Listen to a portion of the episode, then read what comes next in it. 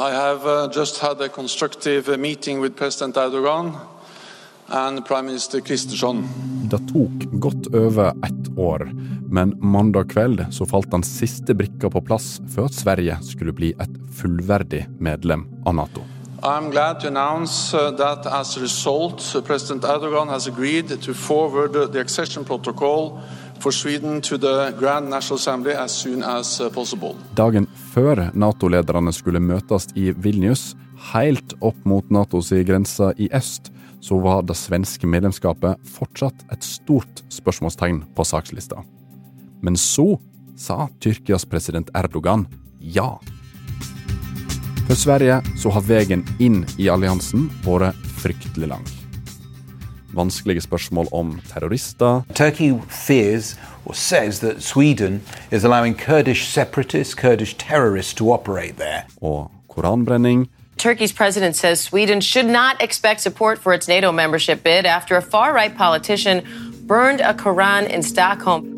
har gjort at Tyrkia lenge sa nei til å slippe Sverige inn. And obviously, this, this potentially threatens their ability to join the alliance. I tillegg så gjorde Russland veien enda vanskeligere helt på tampen. Men kvelden før det viktige toppmøtet i Vilnius ga altså Tyrkia grønt lys. Du hører på Forklart fra Aftenposten, der vi i hver episode går i dybden på én nyhetssak. I dag forklarer europakorrespondent Rakel Haugenstrand hvorfor Sveriges Nato-reise har vært så lang og vanskelig. Det er tirsdag 11. juli, og jeg heter Anders Weberg. Denne veka er det knytta veldig stor spenning til et møte i Vilnius, der alle statsledere fra de ulike Nato-landene er samla. Og i forkant så har det blitt jobba febrilsk med å få inn eh, Sverige eh, i Nato. Og dette har jo også vært en stor sak ganske lenge. Rakel, hvor mye har det egentlig å si for Sverige å bli medlem i Nato nå? Altså, Sverige er i praksis medlem av Nato allerede. Um, de har allerede fått eh, mange sikkerhetsgarantier fra enkeltland eh, som, eh, som de kan regne med å få hjelp av hvis de blir angrepet. Vi sier klart ifra at vi er klare som nordiske Nato-medlemmer til å bistå med alle nødvendige midler hvis Sverige eller Finland skulle bli angrepet, utsatt for angrep, før de formelt blir Nato-medlemmer. Så hvorfor er det da viktig for Sverige å få denne her siste formelle godkjenningen, da? Altså, den ene tingen er det militære, at man på en måte ikke får lagt formelle planer om hvordan Sverige skal forsvares, og hvordan de svenske troppene skal bidra inn i Natos forsvar. Eh, Men så har du òg det på en måte mer operasjonelle eh, i Nato, at de egentlig ikke kan være med på en måte å ta beslutninger i dag. Og for at de siste brikkene skulle falle på plass, og Sverige skulle kunne bli et fullverdig medlem, så måtte alle medlemslandene si ja. Men her sa det stopp lenge. For Tyrkia har nekta Sverige innpass siden dag én, og Ungarn har sagt nei så lenge Tyrkia har sagt nei. Tyrkia sier det at Sverige er et gjestehus for terrorister. De har mange kurdere og opsjonelle tyrkere som har fått politisk asyl i Sverige. Og eh, enkelte av dem er knytta til to grupper. Eh, grupper som Tyrkia anser som terrororganisasjoner. Og den ene er gulenistene.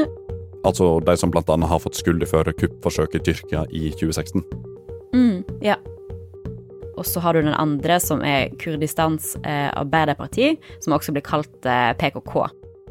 Det er en militær bevegelse som også har blitt stempla som terrororganisasjon av EU, USA og en del andre Nato-medlemmer, eh, og som òg blir anklaga for å drive organisert kriminalitet eh, i andre Nato-land. Og Erdogan mener det er bevis på at svenskene støtter terrorister, og har krevd at flere av dem blir utlevert til Tyrkia. Og, og disse kravene, er det noe som Sverige har gitt etter for? Altså, Sverige har gjort en hel del innenfor det svensk lov tillater. Um, de har ikke utlevert uh, alle som Tyrkia ønsker at de skal utlevere. Um, men det Sverige har gjort, er at de har innført en ny og strengere antiterrorlov. Uh, og det har ført til to veldig konkrete eksempler. Um, for det første så har de utlevert en PKK-tilhenger til Tyrkia. Og torsdag forrige uke så ble en tyrkisk mann i 40-åra dømt til fengsel i Stockholms tingrett. Eh, han er da dømt for forsøk på terrorfinansiering eh, etter at han prøvde å samle inn penger til kurdiske PKK. Domstolen har sagt at dommen og tidspunktet ikke var påvirka av Nato-prosessen, eh, men det var likevel god timing. Og Stoltenberg sier det at dommen er et eksempel på at Sverige setter hard lut til i terrorbekjempelsen. Så Sverige har gitt en god del, men ikke alt. Men samtidig som Sverige har jobba for å møte Tyrkia sine krav, så har det dukka opp et nytt problem som har surna til forholdet mellom Sverige og Tyrkia. Og da er koranbrenning.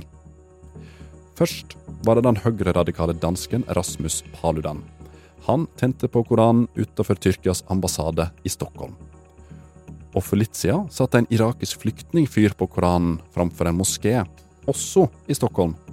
Og han skal først ha lagt bacon inn i den hellige boka, og så tråkka på. I tillegg så er det ikke så lenge siden ei dukke som ligna på president Erdogan, ble hengt etter føttene i den svenske hovedstaden, og da gjorde Tyrkia droppa et planlagt møte med Sverige. Alt dette har ført til store protester i muslimske land. For eksempel så ble Sveriges ambassade i Irak storma, og demonstrantene brant det svenske flagget. Tyrkia og flere muslimske land fordømmer Sverige for å tillate koranbrenning, og Tyrkias president sa at han ikke vil slippe inn Sverige i Nato så lenge de tillater det. Og som om disse flokene ikke var vanskelig nok å løse opp i, så meldte en ny aktør seg på helt i innspurten. Russland.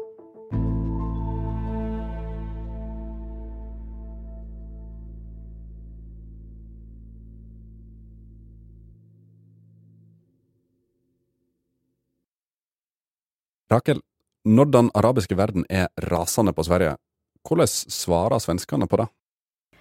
Altså, Politiet hadde tidligere villet forby koranbrenninga, eh, men i vår så var det to domstoler som slo fast at det er i strid med loven å forby det. Så politiet måtte rett og slett gi tillatelse. Og i Stockholm så var det tørke, og dermed bålforbud, sånn som det var i Oslo før regnet kom. Um, så ytringsfriheten trumfa òg bålforbudet i Stockholm. Men etter koranbrenninga så har mannen blitt anmeldt, eh, først og fremst for hets eh, mot ei folkegruppe og brudd på lov om bruk av ild. Og til slutt så fordømte òg den svenske regjeringa koranbrenninga og kalte det islamofobisk. Eh, og det har skapt kritikk på heimebane. Og kritikken den går ut på at svenske myndigheter hyller det tyrkiske regimet og går imot egne demokratiske verdier. Tidspunktet det kunne knapt vært verre for den svenske regjeringa. Samtidig så har Sverige i lang tid vært utsatt for hissige informasjonskampanjer. For det er ikke bare Erdogans motvilje som har stått i veien når Sverige vil inn i Nato. Også Russland har jobba mot dem. Russland prøver å spre ei falsk fortelling om at Sverige er et islamfiendtlig land. Og statskontrollerte medier i Russland har rulla ut en slags informasjonskampanje som blir spredt på arabisk i ulike kanaler. Og de utnytter òg det at Sverige har vært mål for islamistiske påvirkningskampanjer tidligere. Blant annet så har Sveriges sosialtjeneste blitt beskyldt for å kidnappe muslimske barn. Og det er ingen tvil om hvorfor det skjer nå. Ja, hvorfor skjer det akkurat nå, da? Um, de ønsker helt klart å forstyrre Sveriges Nato-prosess. Du har Erdogan som sier det at de til slutt vil lære de arrogante vestlige at det å fornærme muslimer ikke er ytringsfrihet. Og målet med disse kampanjene eh, kan nok være å liksom, få muslimer, kanskje spesielt i Tyrkia, eh, mot Nato-prosessen for å vise det at Sverige eh, tillater hva som helst eh, i dekka ytringsfrihet. Og hvorfor skal man da slippe inn et land som er fiendtlig mot deres religion, og som i tillegg huser terrorister som dreper deres egne? Og de eneste som har tjent på at Sveriges Nato-medlemskap hales ut, det er Vladimir Putin og PKK. Og kanskje Tyrkia sjøl. Men oppi alt dette her, har Erdogan og Tyrkia bare kunne krevd alt de ønsker seg? Altså Det er jo opp til hvert enkelt Nato-land eh, om de vil godkjenne nye medlemmer. Um, og Tyrkia har faktisk en del makt. Eh, Tyrkia er et viktig land for Nato. De har en viktig diplomatisk rolle overfor Russland Og de store Nato-landene har holdt tilbake en direkte offentlig kritikk mot Tyrkia sin holdning i dette spørsmålet. En eh, kilde i Nato har fortalt meg at eh, den type offentlig press mot Tyrkia eh, ville kunne virke mot sin hensikt. Og både svenske myndigheter og Natos generalsekretær Stoltenberg eh, har i løpet av vinteren og våren sagt at Sverige nå har innfridd alle kravene. Men Erdogan eh, mener fortsatt at det ikke har vært nok. Husker du det Rakel sa om at en av de som kan tjene på å utsette et svensk Nato-medlemskap, kan være Tyrkia sjøl? Det skader nemlig ikke å ha gode kort på hånda når det er snakk om internasjonal politikk. For mandag så overraska Erdogan mange da han sa at Tyrkia ville åpne for svensk medlemskap dersom EU åpna for tyrkisk EU-medlemskap. Og samtidig så pågår en annen prosess som kan spille inn nemlig at Erdogan jobber for å kjøpe oppgraderte F-16 jagerfly. I teorien burde det være en ganske enkel handel, altså ett Nato-land selger fly til et annet. Men det har vist seg å være ganske komplisert. Det er på ingen måte et formelt krav i denne prosessen. Um, men Tyrkia har lenge ønska å kjøpe F-16-fly fra USA. Uh, og begge parter har sagt det at jagerfly og svensk Nato-medlemskap ikke bør kobles til hverandre. Så Biden og Erdogan har snakka sammen flere ganger om det her. Og i mai så sa Biden at han ville finne uh, en løsning på konflikten med Sverige før USA ville selge Tyrkia jagerfly. Så her kan det se ut til at Tyrkia bruker makten de har, til å få amerikanerne til å selge de fly. Så hvorfor er disse her nye jagerflyene så viktige for eh, Erdogan og Tyrkia? Altså, Tyrkia var opprinnelig med i utviklinga og produksjonen av de nye F-35-flyene. Eh, altså den typen som Norge òg har kjøpt flere av. Men så trossa Erdogan Washingtons protester og gikk til innkjøp av russiske luftvernsystem. Og det USA da har argumentert med, at Tyrkia eh, Hvis Tyrkia skulle få kjøpe amerikanske F-35-fly og russisk luftvern, så kunne russiske teknikere få tilgang til flyets teknologi, eh, kanskje finne svakheter, eh, og det kunne sette amerikanske piloter sine liv i fare. Og det har resultert i at Tyrkia ble kasta ut av programmet. Og siden den gang så har Tyrkia forhandla med USA om å få kjøpe eh, moderniserte versjoner av F-16-flyene. Eh, men det er ikke bare opp til Biden. Eh, både Senatet og Kongressen kan òg blande seg inn i denne prosessen. For å oppsummere så er det fire ting som har gjort Sveriges vei inn i Nato veldig vrien. Tyrkia stiller krav om at Sverige skal slå hardere ned på terrorisme, og spesielt PKK. Koranbrenning og andre demonstrasjoner i ytringsfrihetens navn har hissa på seg den arabiske verden, og med det gjort forholdet til Tyrkia enda vanskeligere. Og Tyrkia har lenge ønska seg et EU-medlemskap, og nå bruker Erdogan Sveriges Nato-søknad for å få døra litt på gløtt. Til slutt ønsker Tyrkia seg også nye jagerfly, som gir de en annen god grunn til å bruke makten sin i Nato. Men det skal sies at Erdogan gjentok mandag at nye jagerfly og Sveriges Nato-søknad ikke har noe med hverandre å gjøre. Rakel, helt til slutt, hva har vært Nato-sjef Jens Stoltenbergs rolle i denne prosessen? Eh, Stoltenberg har flere ganger vist til at Tyrkia har eh, veldig legitime bekymringer knytta til terrorisme, og sier at det er veldig viktig å lytte til dem. Um, Tyrkia er Natos største europeiske land, og det er ingen andre land som har blitt ramma av så mange terrorangrep som Tyrkia. Det er òg det landet som huser flest flyktninger i Europa, og som fungerer som en slags buffer inn mot resten av Europa. Og Stoltenberg har lagt til rette for en hel del møter mellom Tyrkia, Sverige og Finland på ulike nivå. Han har òg flere ganger dratt til Tyrkia sjøl for å lytte til Erdogans bekymringer, og har brukt masse tid på å lirke ham i, i riktig retning. Og det her er bare ett punkt på ei lang liste med problemer som Stoltenberg må jobbe med det neste året. Så han har nok å gjøre.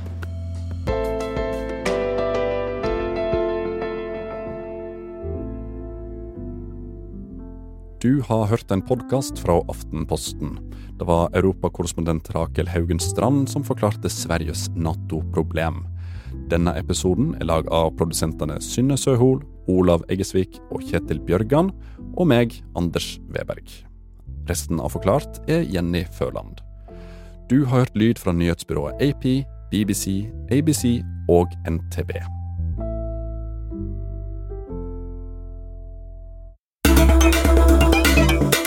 Det finnes spørsmål som ikke er så enkle å google seg fram til. Typ renta. Hvorfor må den absolutt opp, opp, opp? Altså, Finnes det ingen andre løsninger?